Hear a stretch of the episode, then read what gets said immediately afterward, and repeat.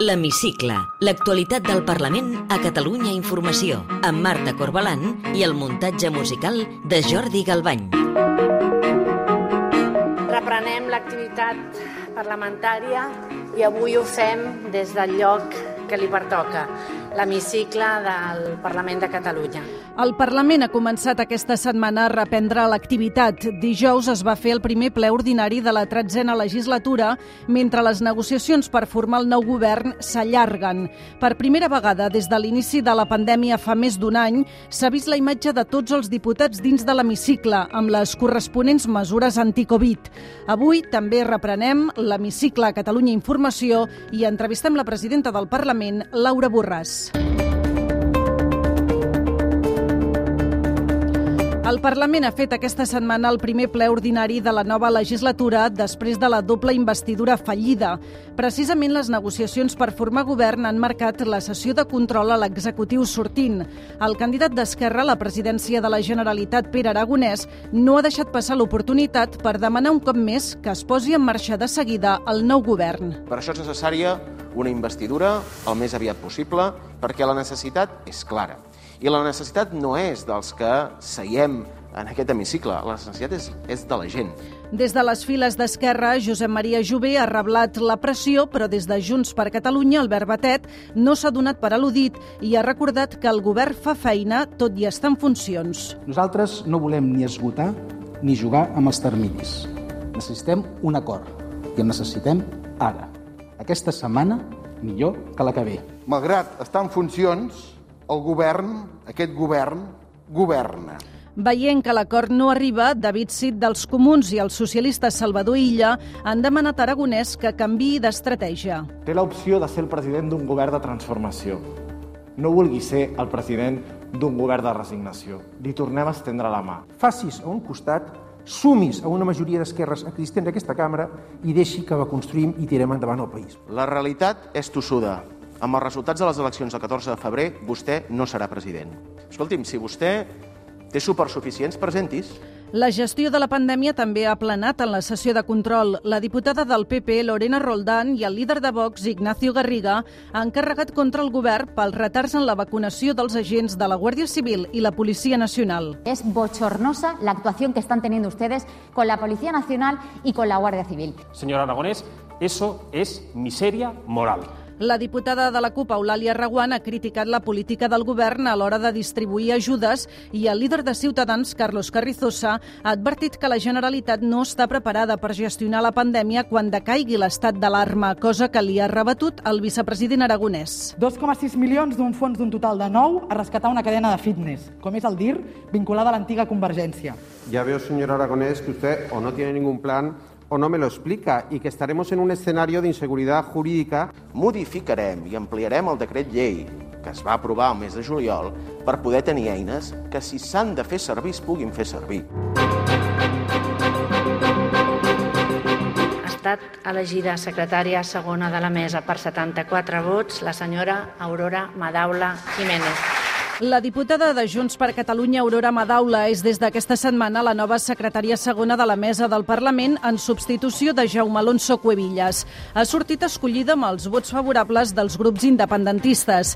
D'aquesta manera, la mesa ja està completa i s'ha tancat així un dels episodis amb què va haver de lidiar Laura Borràs com a presidenta. El relleu de Cuevillas després que es mostrés contrari a dur a terme desobediències simbòliques.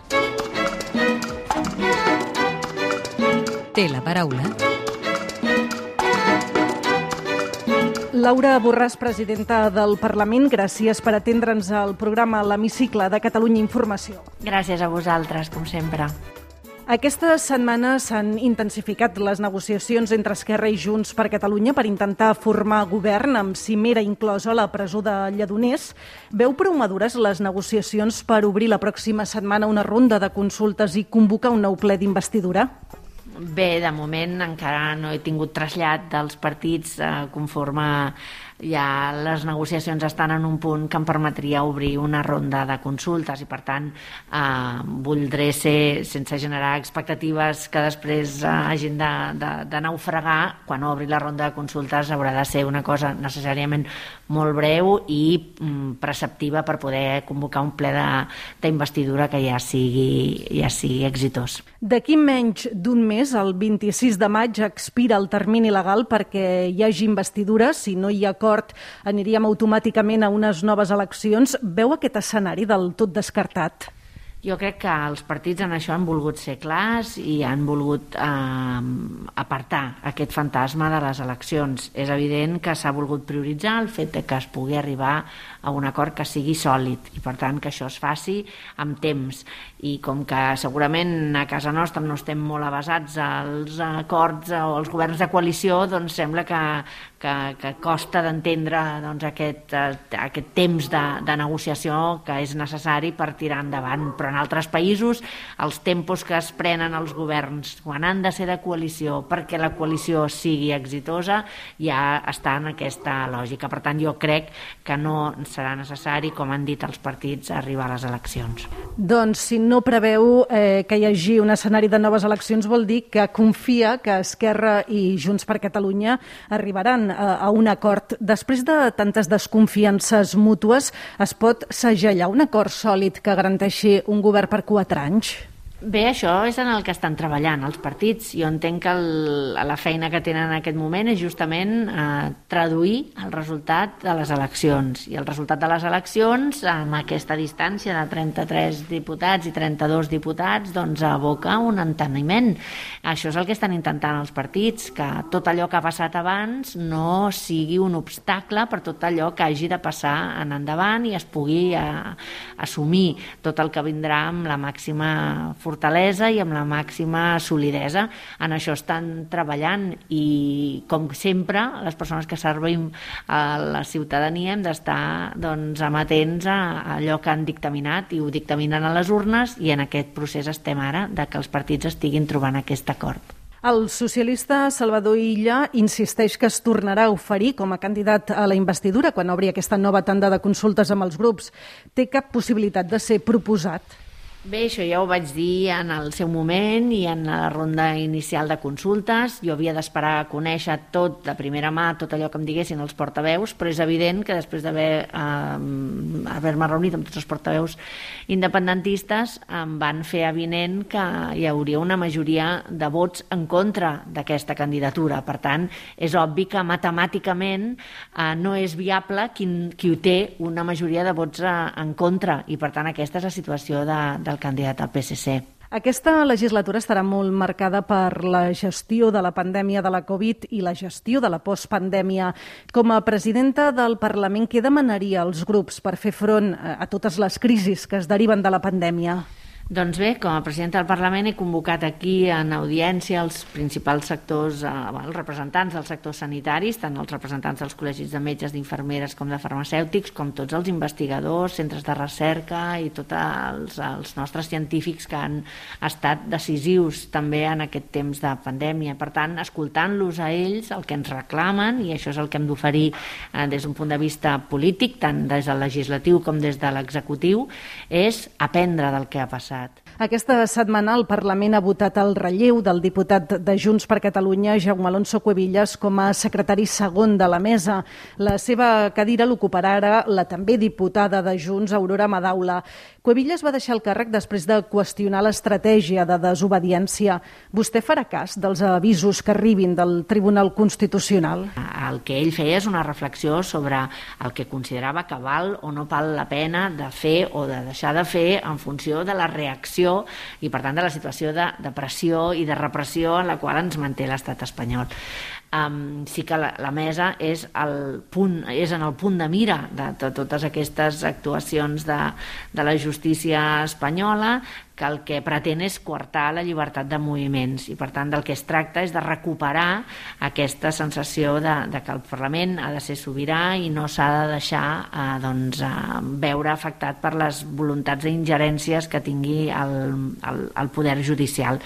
I per tant és en aquest sentit que afrontem aquest relleu però no hi ha cap qüestionament de cap estratègia. Eh, va fer una sèrie de comentaris però en qualsevol cas mm, no, no, no és aquesta la raó de fons ni molt menys a les persones que són a la mesa s'han de poder eh, comportar amb la màxima llibertat possible tenint en compte les condicions prèvies, que no són de llibertat. I això és el que hem de qüestionar, i això és el que hem de denunciar, i això és el que fem. Alhora hem de poder fer la nostra feina amb independència de les ingerències del poder judicial. Vostè diu, doncs, que no acceptaran cap tipus d'ingerència eh, contra la sobirania del Parlament. Això vol dir que està disposada a assumir totes les conseqüències, tots els riscos que això comporti? Això vol dir que fer política i estar en la primera línia com ho estem eh, comporta riscos i hi som perquè els assumim.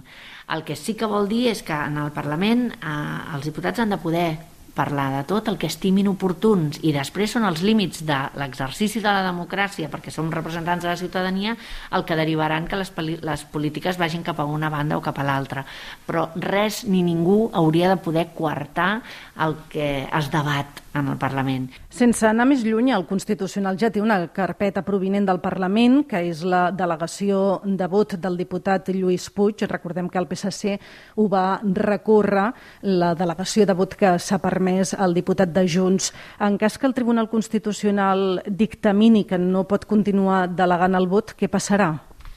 Un diputat ha de poder votar. Un diputat eh, té la seva condició d'elegibilitat, ha estat escollit per la ciutadania i, per tant, la manera d'exercir la seva representació és justament votant. Quan això es quarta un diputat, es quarta a tots els electors als quals ell representa. I això té a veure amb quartar un dret fonamental. Vostè està sent investigada per la justícia per la seva gestió al capdavant de la institució de les lletres catalanes. Si s'obre judici o en cas que es confirmi en ferm el processament, eh, haurà de deixar l'escó, com marca el reglament del Parlament? El reglament del Parlament de Catalunya eh, diu el que diu. Eh, jo em defensaré com m'he defensat sempre perquè no em sento doncs, eh, interpel·lada per aquest article que parla eh, d'un delicte que no he comès. No n'he comès cap, però tampoc eh, no he comès cap delicte de corrupció. Per tant, en aquest sentit, la meva defensa serà, com ha estat sempre, eh, la negació eh, absoluta de, de que jo hagi comès qualsevol delicte de corrupció. Qualsevol delicte. Si li sembla bé, ens endinsem ja en el terreny més personal i demano si pot contestar amb respostes al màxim de breu possibles. Què fa una filòloga com vostè en la política? És una bona pregunta. Treballar pel país, eh, mirar de servir-lo de la manera més honesta, més noble i més digna. És cert que va fer la tesi doctoral sobre la bogeria a l'edat mitjana? És cert. Vaig estudiar uh, 75 textos literaris medievals i 450 miniatures de manuscrit. Per tant, uh, d'alguna manera he passat de la bogeria digital a la bogeria contemporània, però el tema de fons continua sent el mateix. M'han dit que vostè és molt exigent. Això és una virtut o és un defecte? A veure, és veritat que sóc molt exigent, um, sóc exigent amb mi mateixa i llavors també sóc exigent amb les persones que, que m'envolten, però jo vull veure-ho com una virtut. Suposo que en algun moment també pot ser un defecte. Què li diu el nom de Marta? Mira, Marta és el nom de la meva filla, per tant, és la vida, la vida que jo he portat a dins, la vida que jo he ajudat a néixer, la vida que intento ajudar a créixer, i la vida que per poc se m'emporta la meva, però per tant és vida, és la meva vida. Recorda que volia ser de petita? Doncs de petita volia ser professora. En realitat he volgut sempre ser professora. Ja posava les nines així, jo aprofitava i, feia, feia, feia xerrada. Suposo que és, forma part d'aquells somnis eh, que, que, que va, pràcticament ja has anat eh, duent a terme al llarg de la vida, perquè també mentre estudiava també acabava fent classes a companys o per altres eh, cursos i finalment he estat professora a la universitat. M'agrada llegir i m'agrada explicar el que he llegit i per tant és un privilegi poder-se dedicar a una professió que s'estima. És puntual? Intento ser-ho. De vegades la meva vida actual no m'ho permet, però intento ser-ho. I ja per acabar, completi la frase. El que més m'agradaria del món és... El que més m'agradaria del món és fer una contribució decisiva a que el nostre país pugui ser plenament lliure i, per tant, treballar per aconseguir i veure eh, la independència de Catalunya. Laura Borràs, presidenta del Parlament, gràcies per atendre'ns a l'hemicicle de Catalunya Informació. Gràcies a vosaltres.